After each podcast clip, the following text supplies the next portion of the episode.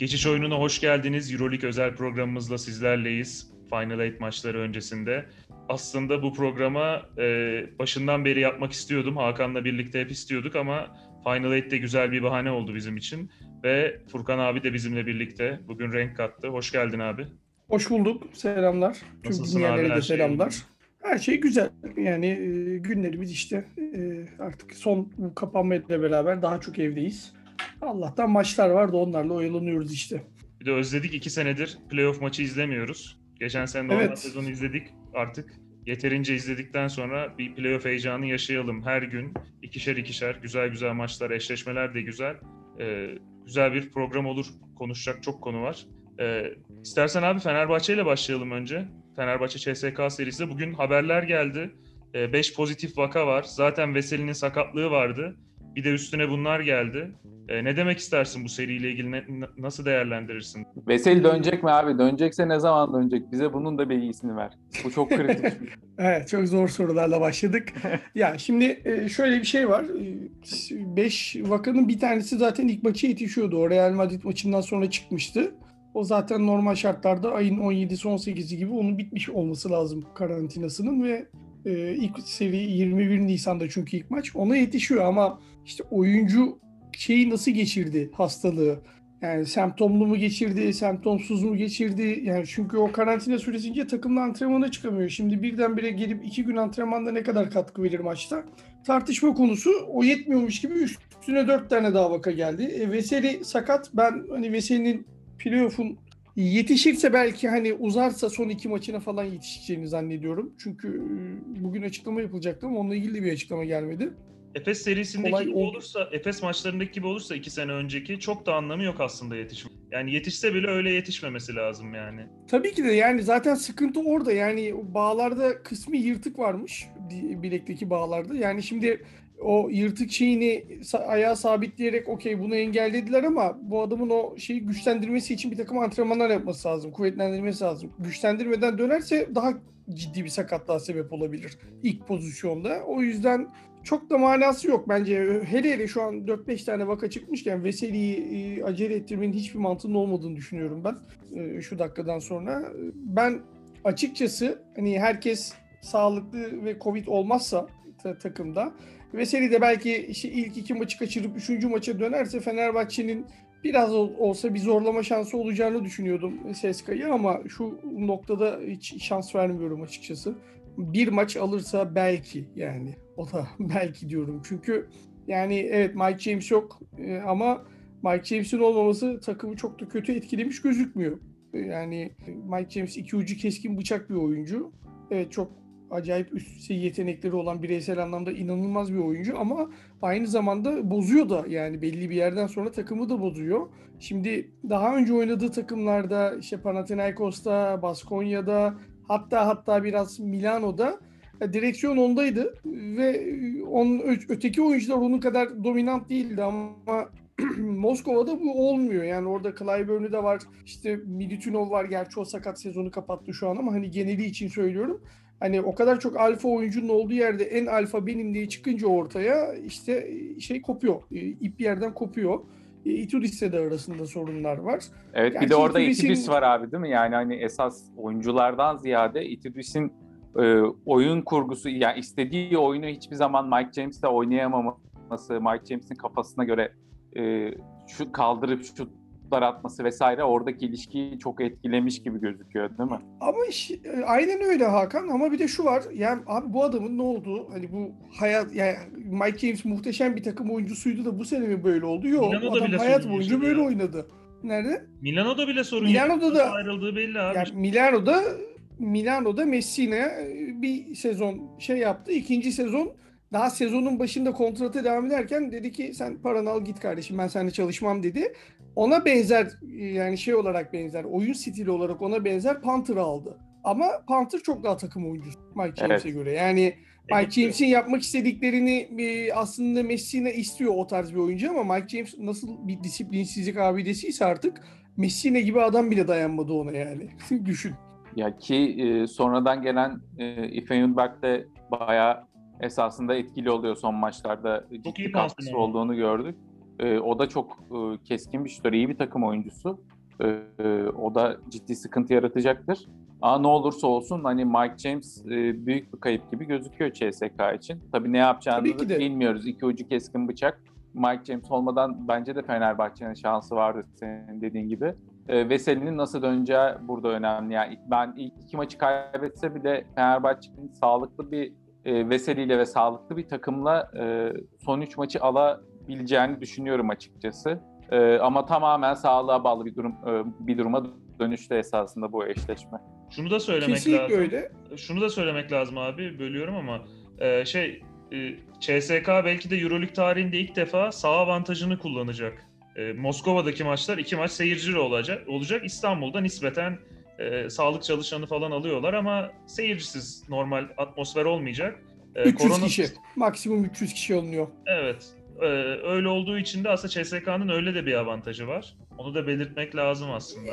Ya çok avantaj mı hani hani bana Eski şey olsam idareci veya koç olsam bana idareci veya koç olsam deseler ki hangi takımı full kapasite salonda oynamak istersin deseler ilk seçeceğim takımlar CSKA ile Zenit olur ya.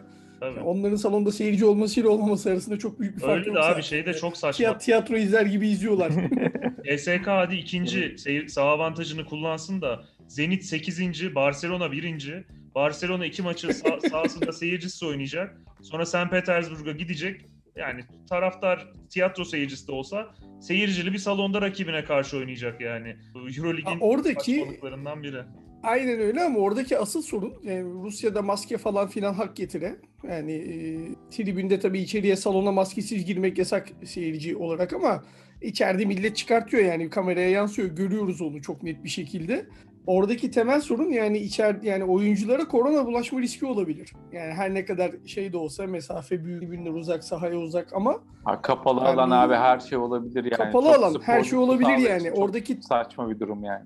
Aynen ya kazandı. oradaki temel sıkıntı o. Zenit sene başında bütün Ya, takımı bak- korona yapıp rahatladı. Temizle. Rahat bir sezon. Aslında evet en mantıklısı oydu. Keşke e, bizim temsilcilerimizde de öyle bir şey olsaydı yani. Sene başında bütün takımı korona yap. bu dönemde uğraşmazdım böyle. Ama genel olarak Hakan'a katılıyorum. Yani bu e, hastaların nasıl döneceği, e, süreci nasıl atlatacağı belirleyici olacak Fenerbahçe'de. Yarın sanırım Anadolu Efes maçını oynamayacaklar. Çünkü toplamda 6 vaka yani bu açıklanan 5 vaka ve senin sakatlığı sayılmaz gerçi ama e, yani 5 vakanın tamamı oyuncuysa sanırım erteleme şeyi olabiliyor e, maçı. Bilmiyorum. İşte gerek yok olacak. iki taraf içinde şimdi salı günü, çarşamba günü bu kadar kritik maçlar varken Efes'in de çok Bence itiraz de. edeceğini zannetmiyorum zaten. Evet işte- yani iki taraf için de hayırlısı olur bence. Çok önemli de bir şey değil maç değil. Biliyorsun bu tip durumlarda ama federasyon yok kardeşim oynayacak. evet. diyor. Fenerbahçe'ye Fede- federasyonu biliyoruz anlaşmıştı e, kendi arasında. Hani Karşıyaka'nın çok önemli bir maçı vardı zorlamayalım dediler. Fenerbahçe de tamam dedi tabii ki de dedi. Federasyon yok kardeşim oynayacaksınız dedi. Böyle bizim federasyonun işlerine akıl sır ermez o konuda. Ama genel olarak hani e, şey yani normal sonuç bence 3-1 Moskova'nın kazanması. Şu anki duruma yani şu anki tabloya göre e, konuşuyorum. Ama e, ne olacağı da dediği gibi Hakan'ın yani oyun bu dönenler sağlıklı dönüyorsa hele hele bir de Veseli eklenirse sağlıklı bir şekilde ikinci maçtan sonra e, orada işler tersine dönebilir. Çünkü özellikle kısa tarafında e, Moskova'nın Fenerbahçe'ye karşı ciddi bir dezavantajı var. Yani evet 4 ve 5 numarada hatta 3 numarada Clyburn'u ko- içine koyarsak e, orada biraz bir avantajları var ama şimdi uzun rotasyonunda da çok onlar geride kaldı. Bolomboy da oynamayacak. Militinov Michael Eric sezonunu oynuyor kapattı. ya. Nasıl? Michael Eric oynuyor. Ya işte ha Michael Eric oynayacaklar. Yani e, o yüzden orada da biraz onlar da uzun tarafta 30 sıkıntılar ama 30 işte milyon 3 euro ve 4 harcıyor. numarada ağır basıyorlar. Abi 30-40 milyon euro harca e, playoff serisinde Michael Eric'le oyna yani. Çok ilginç değil mi? İşte yapacak Şey bir de şey yok. sakat Ama işte galiba o bu arada. Daniel Hackett da sakat sanırım. Daniel Hackett kaç Ee, maç? Onun bir omuz problemi var. Ee, kaçıracak mı maç bilmiyoruz ama. Kaçıracak. Onu da günden güne sanırım yırtık varmış omzunda. Ben Rus basınını bayağı bir araştırdım. Yani yırtık var ama tam şeyini de çözememişler. O yüzden günden güne her gün kontrol ediyorlar. Yani o çok ciddi bir şeyse zaten sezonu falan kapatır Hackett yani. Ee, ama bir şekilde yetiştirmeye çalışıyorlar gibilerinden haberler yazıyordu şeyde Rus basketbol sitelerinde. Bilmiyorum ne olacak. Yani şu an e, Moskova'nın Fenerbahçe'ye en üstün geleceği taraf 3 oyuncu. Clyburn, Voigtman ve e, Kurbanov. Yani her ne kadar Kurbanov normalde rotasyonda çok süre almasa da bu seride almak zorunda kalacak. Ve bize de çok ters gelen bir oyuncu. Yani hem rebound katkısı yapıyor hem dışarıdan şutu var. Ya çok iyi Kritik bir maç değil ama- oyuncusudur bir de. Ha, Evet bir de çok Kritik sever böyle maçları. oyuncusudur, Evet. Fenerbahçe de çok sever böyle. Ya bu Kurbanov'u bırakalım atsın dedi. 5 tane atar o maçta o üçlüyü. Efes'e de öyle. Normalde atmaz bizim maçta atar ama yani.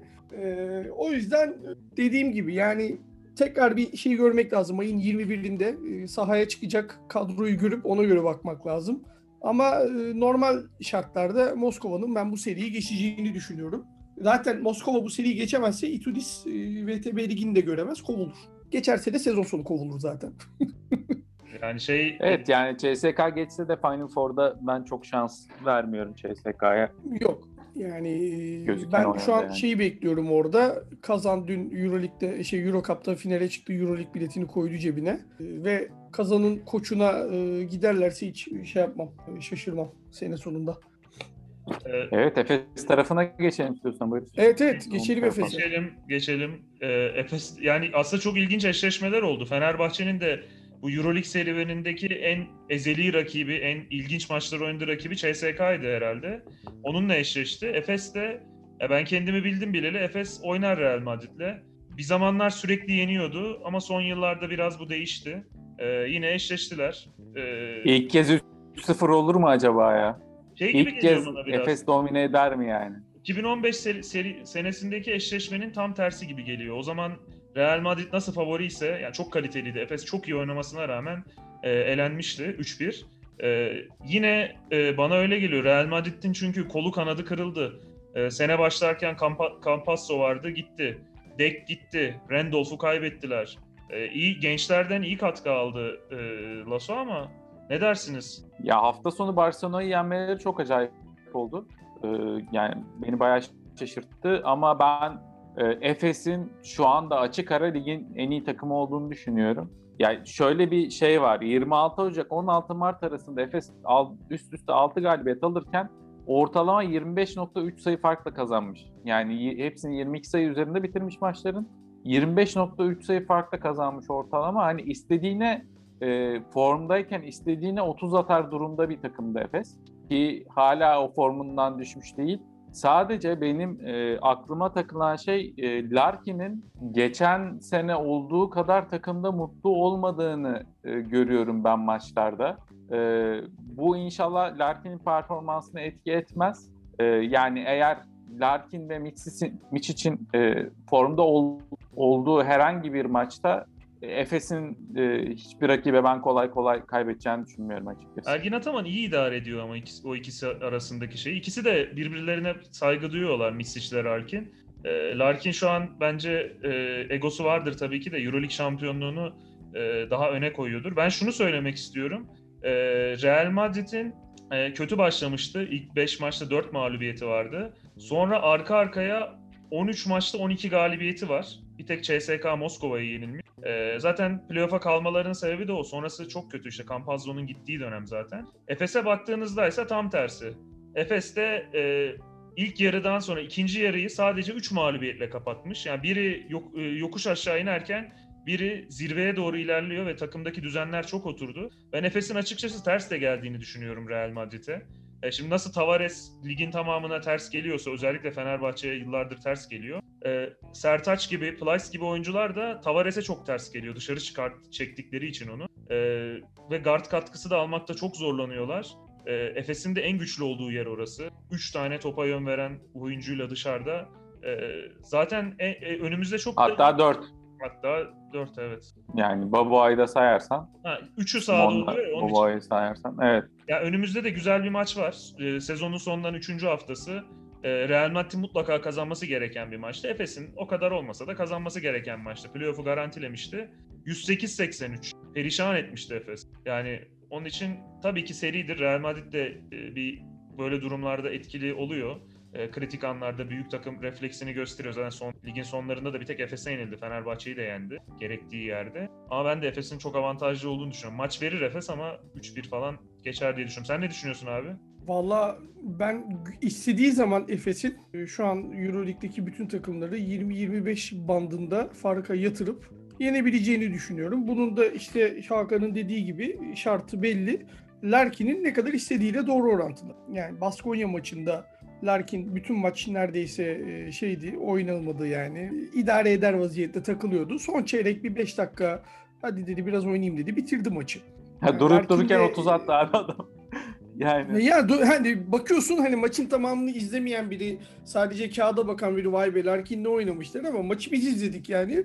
Üç buçuk periyot, yani üç periyot neredeyse adam çok fazla bir şey yapmadı ama çıktı son periyotta dedi ki ben buradayım ben şu maçı alayım da hadi gidelim biz dedi. Aldı yani çünkü hem Larkin e, senin dediğin gibi Barış hem Mitsic. Mitsic çok büyük ihtimalle sene sonu NBA'ye gidecek. Açıklandı. Ee, her ikisi de ha yani o gidecek zaten. E, yani şimdi bir Euroleague şampiyonu olarak gitmek var. Mitsic evet. MVP kovalıyor şu an Euroleague normal sezonda. Yani o apoletlerle NBA'ye gitmek çok önemli e, baktığın zaman. E, Larkin de e, e, tabii ki e, Larkin de bu arada bence NBA'de kontrat bulursa gidecektir sene sonunda. Geçen sene de aradı ama o biraz daha şey istiyordu belli bir süre işte 20 dakikalar gibi bir süre istiyordu hakkında. Başka istekleri var diyeyim. Hani bu sene bir de üstüne şampiyonluk gelirse bence istediği şeyleri bulabilir seneye NBA'de ve gidebilir diye düşünüyorum. O yüzden de zaten saha içinde birbirleriyle çok şey yapmıyorlar. Ama genel olarak Larkin'de bu sene biraz tutukluk var. O kesin. Yani geçen seneki gibi değil. Ama playoff zamanı ben ikisinin de yani sadece ikisinin değil bütün takımın e, çünkü geçen seneden kalma bir şey var, hayal kırıklığı var Anadolu Efes'te. Haklılar bu arada. E, ben yani her ne kadar Ergin Hoca'yı eleştirsem de sürekli bunu gündeme getirdiği için. E, ama haklı. Yani Euroleague geçen sene o kararı çok acil aldı, acele aldı bence. Ve belki de olası bir şampiyonluğunu engelledi Anadolu Efes'in. Ama Efes aynı kadroyu kurdu ve bu sene de aynı şekilde gidiyor. Tek önlerindeki engel Barcelona bence ama Barcelona'ya da çok ters gelen bir oyun yapısı var Anadolu Efes'in. O yüzden e, ben Real Madrid özelinde yani Lasso'ya çok saygı duyuyorum. Şu takımla e, yaptıkları inanılmaz bir iş. Real Madrid başkanının yerinde olsam önüne şey süresiz kontrat koyarım. Süreyi sen yaz derim Lasso'ya. Şu an bunu yani hatta kulübün basketbol şeyini şubesini üstüne falan yapmaları lazım. O kadar diyeyim. Yani çünkü Bence de bu kadar imkansızlıklar içinde şu takımı 5. sıradan playoff'a sokması üstüne bir de işte 18 yaşındaki çocukla e, hafta sonu Barcelona'yı yendi e, şeyde işte lig maçında Vukcevic'le. Nasıl? Hiç de ağlamıyor yani. O da gitti, bu da gitti. Kimseye almadınız falan da demiyor. Yok, yapıyor. Söylemez yani. Evet. Söylemez. Yani Lasso'nun karakteri öyle bir adam. Ee, sanırım önümüzdeki sene devam eder diye tahmin ediyorum ki zaten transferler çıkmaya başladı. Transferler Lasso işi transferler benim gördüğüm kadarıyla. Ee, büyük ihtimalle devam edecektir seneye de orada. 2-3 sene daha anlaşmasını yeniler. Yani ama gene de dediğim gibi yani Anadolu Efes çok şey girecek bence aşırı konsantrasyonu yüksek bir şekilde girecek bu seriye ve e, oyuncular da çok güçlü bir mesaj vermek isteyeceklerdir. Özellikle ilk iki maçta. E, ciddi bir dominasyon bekliyorum Anadolu Efes'ten ilk iki maçta. Ama İspanya'da belki bir maç kaybedebilirler. E, 3-1 gibi geçerler diyorum. 3-0 olursa da hiç sürpriz olmaz.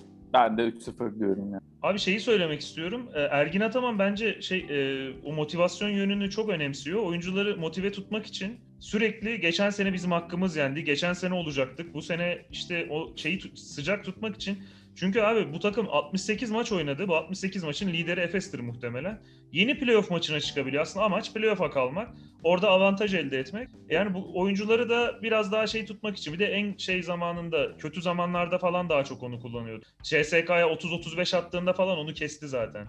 Biraz onu o şeylerde kullanıyor. Mitsic'e falan da e, geçen sene çok ağır eleştiriler yöneltmişti. Sonra çok güzel katkı almıştı. Hani benim çok tuttuğum bir şey olmayabilir bu tip. Bazen çok kişiselleştiriyor e, motivasyon şeylerini. Ama takımı birazcık da diri tutmak için bunu yapıyor. E, sıcak tutmak için. 34 maç, bir 34 daha. Kolay değil o hedefe sürekli konsantre etmek. Tabii ki tabii ki. Yani oyuncu o sürekli seyahatler. Bir de şimdi şu ortamda yani bu hastalığın kol gezdiği bir ortamda oyuncular da en az bizim kadar endişe ediyorlardır bir takım şeylerden. O yüzden kolay değil ama e, açıklamalar evet oyuncuyu belki motive ediyor da işin diğer tarafında e, Euroleague tarafında rahatsız eden şeyler bunlar. Yani mesela Ergin Ataman ceza aldı bu sene. Bunu başarabilen tek koç şu ana kadar Euroleague'de. Yani e, normal şartlarda belki hani bu tarz bir sürekli Euroleague'de bir eşleşmeye gitmese o cezayı almayacak Ergin Ataman büyük. Yani e, Kimler ben neler öyle yaptı? görüyorum açıkçası. Kimler neler yaptı? Ya tabii ki de daha? yani Hiçbir şey hiç ceza falan almadı yani. yaptığı şey bu arada ağır. Normalde zaten bence ceza verilmesi lazım ama nelere vermedin? Ya buna da vermese kimse niye vermedin demezdi Euroleague yönetimi. Zaten onu da ayrıca bir program yapar konuşuruz. Euroleague yönetimiyle takımlar arasında ciddi bir savaş var şu anda. Özellikle bu para ve gelir dağılımı Evet. konusunda. Haklılar. Oradan bu işin sonunda ya dağılma çıkar ya da mevcut başkan gider takımların istediği gibi bir gelir modeli getirecek bir başkan getirirler işin başına. İkinci şık daha olası gözüküyor. Yani bu Jordi Bartomeu gider yerine takımların e, maddi şeylerini daha gözetip kollayacak birini getirirler başkan olarak. İlk etapta onu oynarlar diye tahmin ediyorum. Oynamazlarsa bir iki sene içinde Euroleague dağılır. Çok net yani gidişat o yönde çünkü. Abi ben ben dağılmaya daha yakınım. Çok uzun konu. Çok girim yani girmeyelim, içinden çıkamayız dediğin gibi. Ama ben Euroleague'in yani başka dediğim bir gibi organizasyon şey yaparız konuşuruz. Düşünmüyorum. Yani şey bile rezillik yani. Ergin Ataman işte yine haklı olduğu bir şey. Geçen sene ligi oynatmadılar. Bugün bu sene aynı şartlarda 34 maç oynattılar yani. Şeyi de değiştirme. Ne değişti? Yani aldıkları hiçbir karar doğru değil. Çok başarılı bir organizasyon gerçekten. Çok kötü. Ee, Birazcık her da- e, konuda kötüler. İsterseniz birazcık da basketbolun güzelliklerinden konuşalım. Ee, çok güzel bir seri bekliyorum ben. Milano Bayern Münih.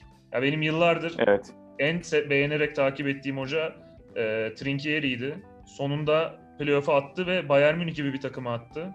E, ilk defa onlar da playoff'a kaldılar ve çok iddialı bir şekilde kaldılar. Kadroları da herhalde sene başı baktığımızda bize hiçbir şey vaat etmezdi. Ama yani James Giss'le falan bile hala 2021 yılında maçlar kazandı yani ondan katkı alarak. Baldwin'i, e, Reynolds'ı söylemiyorum zaten. E, neler söylemek Hakan'ın e, istatistikler vardı elinde. E, bir Ya şöyle e, dersen. yani iki, iki taraf için de bakayım. Ben bu serinin bu arada 3-2 bitmesini bekliyorum. İki taraftan biri bence 3-2 Yakışır. kazanacak. Ee, yani Milano en az top kaybeden takım ligde. Üçlük yüzdesinde de ikinci. Zaten bu şekilde maç kazanıyorlar. Ee, ancak hücum reboundlarıyla çok fazla ikinci şans veren e, bir takım ve e, rakipte Jalen, Jalen Reynolds gibi hani hücum reboundlarında çok etkili. Yani lig yedincisi ortalamada bir oyuncu var. E, ortalama iki hücum reboundu alıyor ki e, Milano'ya karşı muhtemelen e, 3-4-5 bandında bir hücum rebound yapacaktır. Bu da yaklaşık e, ekstra 7-8 sayıya tekabül eder ki böyle yakın e, gidecek maçlarda çok e, etkili olabilecek bir e, durum gibi düşünüyorum ben. Yani e, Bayern'e baktığımız zaman e, Efes'i iki kere yenmiş normal sezonda. Barcelona'yı da iki kere yenmiş bir takım. Ve Efes'in yani en iyi olduğu 8 maçlık galibiyet serisini bitiren bir takım Bayern. Ee, Bayern yani. için esas esas önemli istatistik Bayern için bu arada 7 sayı ve daha altında biten 18 maç yapmışlar normal sezonda ve 13'ünü kazanmışlar. Ya playoff'ta biz şunu biliyoruz ki maçlar 5-10 sayı bandında e, iki takım eğer denkse 5-10 sayı bandında yaklaşık geçen maçlar olacak ve yakın giden maçlarda Bayern'in bu isteği çok etkileyici geldi bana. Ben o yüzden esasında 3-2'lik bir e, Bayern turu geçişi bekliyorum buradan. Ya ben de ben de Bayern'i bekliyor e, turu geçmesini bekliyorum. E, Bir kere sağ avantajı zaten yok iki taraf içinde. Yani birbirine de çok yakın iki şehir. E, çok problem olacağını zannetmiyorum onun. Seyircisiz zaten. E, bu tip durumlarda genelde kadro, e, kadro kalitesi demek de istemiyorum. Yani Bayern'in oyuncularının bir sene sezonu var pek çoğunun. Öncesi pek yok ama performans olarak e, bu kadar yakın takımlarda genelde koçlar belirler serinin sonucunu.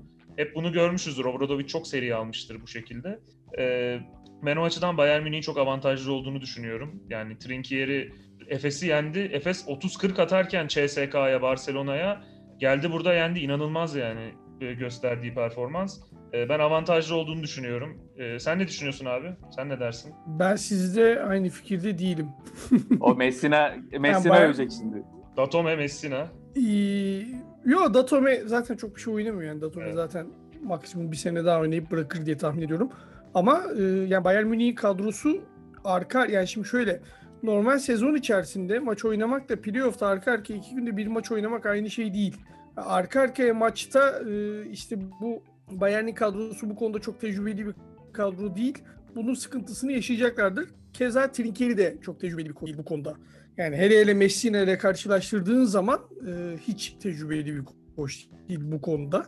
O yüzden e, bir de Milano'nun şimdi Delaney döndü. Malcolm Delaney çok önemli bir isim Milano'da. E, onun ne oynayacağı çok doğrudan etkiler. Evet Bayern Münih'te Baldwin var, işte Reynolds var ama mesela Reynolds bazen maç içinde e, aşırı derecede saçmalıyor ve zaten Trinkieri ile kavga ediyor. Trinkieri alıyor onu kenara. Yani öyle bir kopuşları da var Reynolds içinde. E, o yüzden kesinlikle her maçın son topa kadar çekişmeli geçeceğini düşünüyorum. Ama seriyi kazanmaya e, açısından e, şeyi Messina'yı bir tık daha önde, bir adım daha önde görüyorum ben. Ama basketbol adından e, yani basketbol adına kesinlikle size katılıyorum. Bence e, 3-4 seri içinde en keyifli maçları izleyeceğimiz seri e, Milan e, şey maçı serisi olacak. Bayern Münih serisi olacak. Ee, Bence de. bence de öyle. Evet. En fikir olduğu odur herhalde. Çok keyifli olacak. 5 maç olur herhalde. 4 maç ya da. Peki abi şey Delaney dedin de. Delaney bana şey geliyor. e, Mike James'in bir alt modeli gibi geliyor. Yani daha böyle Ee, takıma da öyle. zarar verebilir e, gibi bir durumu var yani. Öyle ama e, Messina Delaney'i çok iyi kullanıyor. Yani orada e, şey var. Yani Malcolm Delaney biraz şey bir e, oyuncu. Yani zaten sosyal medyadan falan da takip ederse dinleyiciler görürler. Yani biraz e, kendine has özellikleri olan bir kardeşimiz. E, ama karşı taraf yani bu saygı mevzusuna çok takık bir adam benim gördüğüm kadarıyla. Karşı koç yani onu çalıştıran koçun onun oyununa saygı duyduğunu görürse takım için elinden gelen her şeyi yapıyor. E, Milano'da da onu biraz yakalamış gibi ki zaten şimdi Rodriguez var, Panther var, e, Delaney var. Üç tane guard var ellerinde. E şimdi Rodriguez'in de Panther'ın da Delaney'nin de işi çok farklı. Orada benim Messina'yı eleştireceğim tek konu Shavon Shields'ı çok seviyor. Ama işi istatistikleri çıkarttığımız zaman da Shavon Shields ne zaman 25 dakikanın üstünde süre alsa Milano o maçlarda kabus görüyor veya kaybediyor. Yani onu e, denk getirdiği zaman Messina hocam biraz daha de, e, rahatlayacak gibi gözüküyor. Bence ama e, playoff zamanı oyuncuların hepsi şey yapar ya. Bazı egolarını bir kenara koyarlar. Çünkü işin sonunda Final Four'a kalmak var ya. Final Four'a kalmak çok büyük şey Euroleague'de halen daha. En son 92'de Final Four oynamış Milano. Yani Malcolm Delaney de en son ne zaman Final Four Kuban'la oynadı? oynamış. Şeydi, e, Kuban'la Fenerbahçe'ye karşı oynadı O işte. müthiş bir takımdı Barcelona. Ondan beri yani hadi o da ondan beri oynamıyor. Yani o yüzden e, o noktada işte aynı Mitsic, Larkin örneğinde olduğu gibi bazı oyuncular egolarını bir kenara bırakırlar diye e, düşünüyorum ben ki do- bence de öyle olacaktır. Abi bir de Delaney o, o Kuba'nın ekmeğini yiyor hala birazcık da. Hala bu kadar üst düzeyde Barcelona'larda, Milano'larda oynamasının sebebi çünkü kariyerine çok inişler çıkışlar oldu ama herkesin hakkında işte o Singleton'lı, Randolph'lu, e, Delaney'li tak- e, e, o Kuban takımındaki üst düzey performansıyla kaldı. Birazcık da piyasasını hala tutmasının sebebi o. İyi sezon geçiriyor bu sene. Ben de beğeniyorum ama e, o da Final Four'a kalıp Milano formasıyla yine etkili olmanın öneminin farkındadır herhalde bence. E, isterseniz isterseniz bir de yani çok üzerine konuşacak bir şey yok ama Barcelona Zenit'e de kısaca değinip kapatalım programı. Abi 3-0 biter muhtemelen.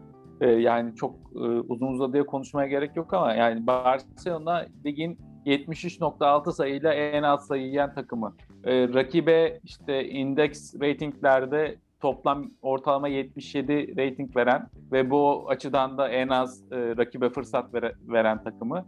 Rakip iki sayı %49.4, e, %50'nin altında tutabilen tek takım. E, rakip 3 sayıyı da %34.4 de e, tutan ve bu, bu anlamda da ligin en iyisi olan takım Barcelona. Birçok istatistikte de e, ligin hani hemen hemen bütün istatistiklerinde ilk 7'ye giren bir takım Barcelona. Takım olarak inanılmaz e, bir e, dengeleri var. E, sadece çok fazla hücum reboundu veriyorlar. E, bunun da tek sebebi rakibin çok fazla şut kaçırıyor olması aslında. E, başka da bir etkisi yok e, baktığımız zaman. Ben e, yani Zenit'in bir maç alacak bile şansı olmadığını Bir de Zenit sezonun iyi, iyi durumunda değil bence ya. Sezon başı yine birazcık daha hareketliydi. Klasik işte e, Zenit takımının koçu her zaman biliyorsunuz öyle yapar. Barcelonalılar daha iyi bilir. E, sezona iyi başlar, sezon planı iyidir de işler ciddileşince sıkıntı yaşar. E, ben de 3-0 bekliyorum. Net bir seri olur. Abi sen ne demek istersin? Vallahi Xavi Pascual yani sadece sezonda değil maç içinde de hani planı ıı, sekteye uğradığı zaman ne yapacağını şaşıran bir koç. Hiç değişmedi. Zenit'te de hala aynı. O yüzden yani çok şans vermiyorum. Benim tek merak ettiğim Gasol kaç dakika oynayacak, nasıl oynayacak onu merak ediyorum o seride ben. E, Çünkü Gasol'un ne şekilde o takımın içine entegre olacağı Barcelona'nın Final Four'da neler yapacağıyla doğru orantılı. Valla inşallah fiziksel açıdan iyi nokta o. değildir abi. İnşallah fiziksel açıdan iyi değildir. senedir Kesinlikle yani yani Gasol orada e, 4-5 dakika 6 dakika katkı verecek şekilde gelirse bu Anadolu Efes için iyi bir haber değil playoff'ta. Ben hiç öyle Bence olacağını de. zannetmiyorum. Yani şeyde Final Four'da. Şey gibi Gasol birazcık Barcelona'nın büyüklüğünü oyunculara anlatmak için geldi işte. Bir De Euroleague şampiyonluğuyla kariyerinin sonunda ça- taçlandırırsın diye geldi de ben oynayabilecek işte duruma abi, geleceğini hiç zannetmiyorum ya. Çok felaket. Kalates'te falan yani o kısa yani bu arada Hakan'ın saydığı istatistiklerin hepsini Kalates Westerman Guard ikilisiyle yapmaları zaten eee, şey işte yani mucize gibi bir şey. Koç becerisi. Hani yani hakikaten acayip bir şey. Ya ben Kalates'in değil e, Barcelona'da yani Panathinaikos'ta bile hani şeydim. niye oynuyor ki burada falan modundaydım. Bir dünya para Ee, verdiler. Barcelona. Ya o tabii Yasikevicius'a sorsalar muhtemelen o istemezdi. O gelmeden önce anlaşıldığım kadarıyla Kalates'te. Ha bu arada Kalates e, belli şey yapacaksa yani işin sadece pas ve e, oyunu yönlendirme tarafında kullanacaksan harika guard. Evet. Ama işte üçlük de atıyor. Maalesef atıyor yani engelleyemiyoruz. Arada gözümüz kanıyor onu izlerken üçlük atarken. E, yanına Westerman'ı koydular işte. O da garibim senede 3 tane maçta üçlük sokuyor. Kalan maçlarda hep karavana. Bu sene bir Fener'de oynarken 6 tane üçlük atmıştı. Bir işte Barcelona ile Fener'e karşı attı bir sürü üçlük. Belki playoff'ta bir maçta denk getirirse bir de Zenit'e atar öyle. Ondan sonra hep karavana o da zaten. Ama Jasikevicius Ee, çok sever. o yüzden onu. Zalgiris'te de çok verim alıyordu. Biraz ondan istedi. Sanırım seneye orada devam etmez. Yani oraya bir guard bulurlar ama yani bir şekilde takımın içinde Yasikevicius o işi çözüyor. Higgins de getiriyor, başka şey yapıyor. işte Bolmaro'yu kullanıyor. Bir şekilde çözüyor bu işi. Evet, Topu gen- işte- rotasyonları çok geniş. Anga'yı bile kullanıyorlar. Evet. Problemleri yok orada. Hanga'yı kullanıyor. Yukarıda işte pas dağıtırken Mirotic'i kullanıyor. Hücumda guard'dan dağıtmıyor. Mirotic'ten veya diğer uzunlardan çeviriyor topu. Yani bir şekilde bir çözüm buluyor Yasikevicius buna. Ee, tabii orada da onun üstünde ciddi bir şey var. Ee, baskı var. Şampiyonluk baskısı var. Bu muhtemelen. Yani Zenit'i 3-0 geçerler bence. Xavi Pascual'ın takımının e, direnme şansı çok yüksek değil. Belki bir maç diyeceğim ama ben çok zor ya. Yani Gasol'ü uzun süre Barcelona uzatmaz. belki, Zannetmiyorum. Ben sanmıyorum Gasol'un o kadar uzun süre oynayabileceğini. O yüzden yani 3-0 uzatmazlar yani. Yaskevicius'u uzatmak istemez. Özellikle Rusya'daki o şartlardan dolayı yani maçımızı yapalım, alalım, gidelim e, şeyine girebilirler havasına. Ağzınıza sağlık. Çok keyifli bir program oldu. Çok özledik playoff'u. Çok da güzel seriler olacak. Güzel bir değerlendirme oldu. Bir top- toparlamış olduk. Hem sezonun da değerlendirmesini yapmış olduk bir nevi bu 8 takım için. Ağzınıza sağlık. Furkan abi çok teşekkür ederiz. Renk kattın. Ben ben teşekkür ederim davet ettiğiniz için. Çok da güzel, keyifli oldu. Özlemişiz basketbol konuşmayı. Güzel oldu. Teşekkürler abi ağzına sağlık. Ağzına sağlık. Ee, Bundan sonraki e, programlarda görüşmek üzere diyeceğim. Çünkü basketbol içeriği biz üretmek istiyoruz Hakan'la. Ee, İnşallah güzel programlarla karşınızda olacağız. Ee, Beğenirseniz, paylaşırsanız, yorum yaparsanız YouTube'daki paylaşımlarda tabii ki e, çok be- memnun oluruz. Spotify'da da varız, diğer e, podcast sitelerinde de varız. Ee, Dinlediğiniz için teşekkür ederiz. Hoşçakalın.